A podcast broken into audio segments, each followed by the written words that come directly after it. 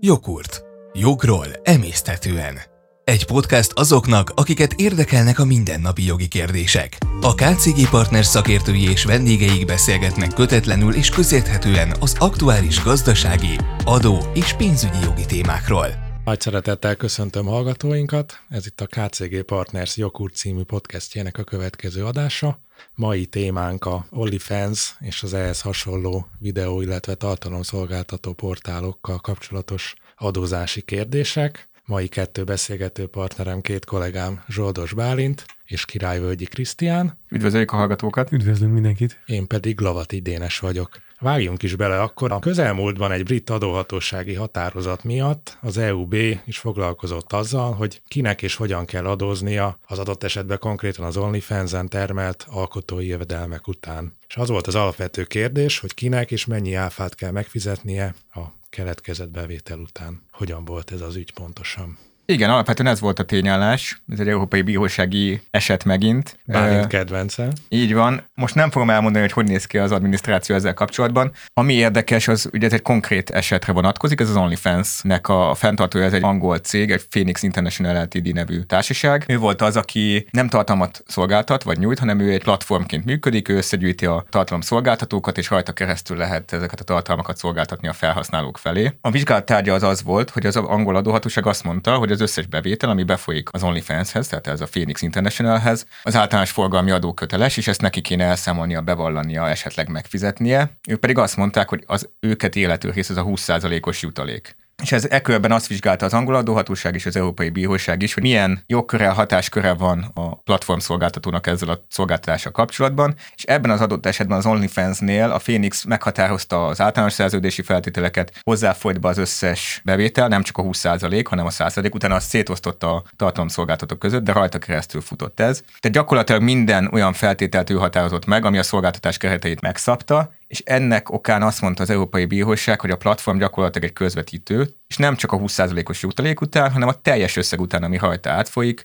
őt áfa bevallási, nyilvántartási, levonási, fizetési kötelezettség terhelheti. Nem tudom, érdemes-e megbeszélnünk, hogy mi az OnlyFans, illetve hogy hogyan működik a gyakorlatban, hogy mire Természetesen ezt mi még nem láttuk a gyakorlatban, de viccet félretéve, hát ez egy videószolgáltató, vagy videóplatform oldal, ahol beregisztrálnak, főleg én úgy tudom, hogy hölgyek, akik videót, képeket, illetve egyéb tartalmakat tesznek elérhetővé magukról, amiért cserébe előfizetést kérnek más személyektől. Ezt egyébként alapvetően úgy tudják megtenni, hogy adószámos magánszemélyként, cégként vagy egyéni vállalkozóként, ez a három formája van, mert hogy alapvetően ez rendszeres jövedelmet keletkeztet náluk, hiszen előfizetésekről van szó. Viszont ami ebben talán érdekes, hogy maga az a bevétel, ugye ez az OnlyFans, aki elosztja feléjük is az előfizetési díjakat, és mivel ez nem minősül magyar kifizetőnek, így alapvetően a napnak erre nincs rálátása. Tehát szerintem azért sokan úgy vannak vele, hogy hát ez a jövedelem külföldről érkezik, akkor ez sose derül ki. Sajnos vagy nem sajnos, ez azért egy kicsit meghaladott gondolkodás, és valójában az adóhatóságnak van arra is jogosultsága, hogy külföldről információkat szerezzen a adott adóhatóságtól, a kettős adóztatás elkülönéséről szóló egyezmény alapján például, és egyébként emiatt is, meg amiatt is, mert erre egyébként jogszabályi kötelezettség van, ezeket a jövedelmeket be kell vallani, és a vonatkozó adóterheket meg kell utána fizetni, és nincsen mentesítés, hogy x forint alatt ne lenne adóköteles egy ilyen bevétel.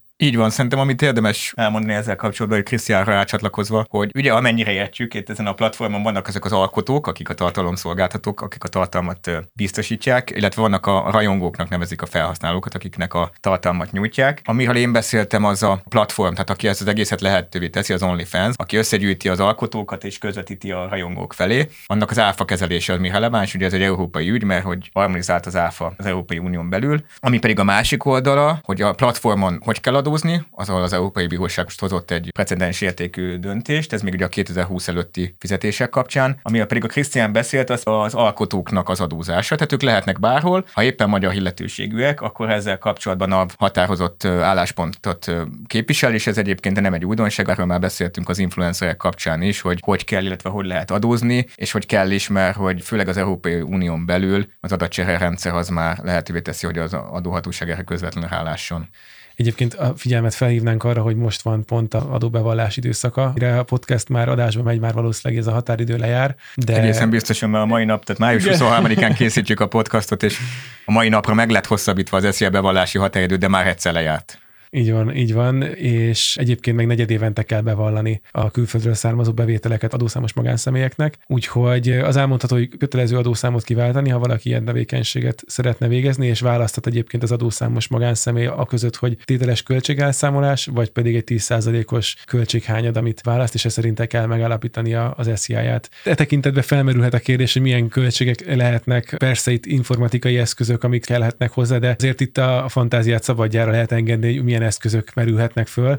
Bocsánat, hogy közbevágok. Elképzelhetően vajon az, hogy maga platform változtat meg úgy a regisztráció során, hogy kötelező legyen adószámot megadni, tehát hogy ne álljon elő az az eset, amit Krisztián mondott, hogy valaki csak úgy magánszemélyként azt mondja, hogy persze itt van, nem adok meg semmit, ez a bankszámla ide jöhet a lé a sok rajongóm után. Elképzelhető, hogy ennyire prudens lesz ez a Phoenix Limited, vagy... Elvileg nincs akadálya szerintem, hogy így egymás között a felek így állapodjanak meg, viszont szerintem az OnlyFans-nek se érdeke. Tehát annyi területen, vagy annyi országból van alkotója is, hogy nem biztos, hogy ezt tudja ennyi uniformizálni. Tehát még EU-n belül csak-csak le lehet követni, hogy milyen adózási szabályoknak kell megfelelni, de ugye ezek általában közvetlen adózási szabályok, amik nem harmonizáltak még az EU-n belül se. A világon meg aztán bármilyen lehet, tehát hogy nem tudjuk, hogy egy Fülöp-szigeteki adó compliance-hoz hogy tudja ezt teljesíteni. Tehát ez nem feltétlenül érdekes szerintem a Phoenix Internationalnek uh-huh. se. De egyébként logikus lenne, hogy adószámot is el kéne regisztrációnál. Az is lehet, hogy már most is van erre lehetőség, sőt, valószínűleg lehetőség van, a kérdés, hogy kötelezettség van-e. Meg kell nézni, meg kell próbálni beregisztrálni. Ezt, ezt mi még nem próbáltuk ki, de nyilván ügyvédként is azt javasolnám nekik, hogy, hogy így alakítsák ki a weboldalt, és ezzel konstruktívak legyenek a adószabályok betartása vonatkozásában. Illetve azt érdemes szerintem még itt megjegyezni, hogy ugye ez egy egyedi ügy. Tehát ezt mindig elmondjuk az Európai Bírósági esetek kapcsán, hogy egyedi ügy. Itt aztán főleg egyedi mérlegelés van, hogy milyen jogkörök vannak a platform kezében. Viszont ez egy tendencia is, tehát azt is látni kell, hogy egyre inkább ebbe az irányba megy a világ, hogy a platformok esetében is próbálják az egyes országok az adószabályaikat alkalmazni. Volt két ugyancsak Európai Bírósági eset, az nem áfával kapcsolatos, hanem adó regisztrációval, illetve adó adminisztrációval kapcsolatos Belgiumban, illetve azt hiszem Olaszországban volt olyan szabályozás, ami az Airbnb-t, ami nem letelepedett cég egyik országba se, különböző adó adminisztrációs kötelezettségek alá vetette. Ők ezt megtámadták, hogy ők nekik igazából semmilyen nexusuk nincs az adott országokkal, hogy ők nem szeretnék ezt teljesíteni. És az Európai Bíróság megállapította, hogy pedig de, tehát hogy van olyan kapcsolat az érintett országokkal, ami miatt nem diszkriminatív az ők tőlük is elkérik ezeket a kötelezettségeket. Tehát egyre inkább ebbe az irányba megy a világ, hogy a globális cégeket is megpróbálják az adott helyen az adott fogyasztók miatt adóztatni, kötelezettségek alá vetni. Igen, ez a Facebooknál is egyébként ugyanígy van, hogy megpróbálja a magyar jogrendszer adóztatni a Facebooknak a reklám bevételekből származó bevételét, úgyhogy abszolút ez az irány. Tendenciák vannak, egyébként a, ugye a globális minimumadó, meg a globis alapvetően erről szól, erről is egy külön adást akár szentelhetünk, hogy milyen kísérletek vannak aztán, hogy ezek mennyihez sikerednek, az majd a jövő zenéje. Azt még esetleg érdemes elmondani, hogy egyrészt a, a számlakiáltással kapcsolatban, aki itthon alkotó, és mondjuk hallgat minket, a számlát a fordított adózás miatt áfamentesen kell kiállítania, illetve ha esetleg nem tett volna bevallást, ez öt évig önellenőrizhető, tehát ha már korábban regisztrált, akkor mindig van rá lehetősége, hogy önellenőrzést hajtson végre, illetve ami még fontos, hogy fizetési kötelezettség is felmerül adózási szempontból, viszont a NAV-nak jelenleg nem célja a büntetés, ezt több helyen is hangsúlyozták, és nem is szerepel az ellenőrzési tervében az ilyen alkotóknak az ellenőrzése, hanem jelenleg a edukálás és a tájékoztatás, ami a fő cél.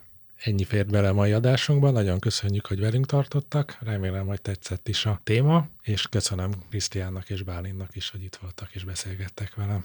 Köszönjük. Köszönjük szépen. Ez volt a Jogurt, a KCG Partners podcastje. A beszélgetésben elhangzottak nem minősülnek jogi tanácsadásnak, a műsorban résztvevők magánvéleményét tükrözik.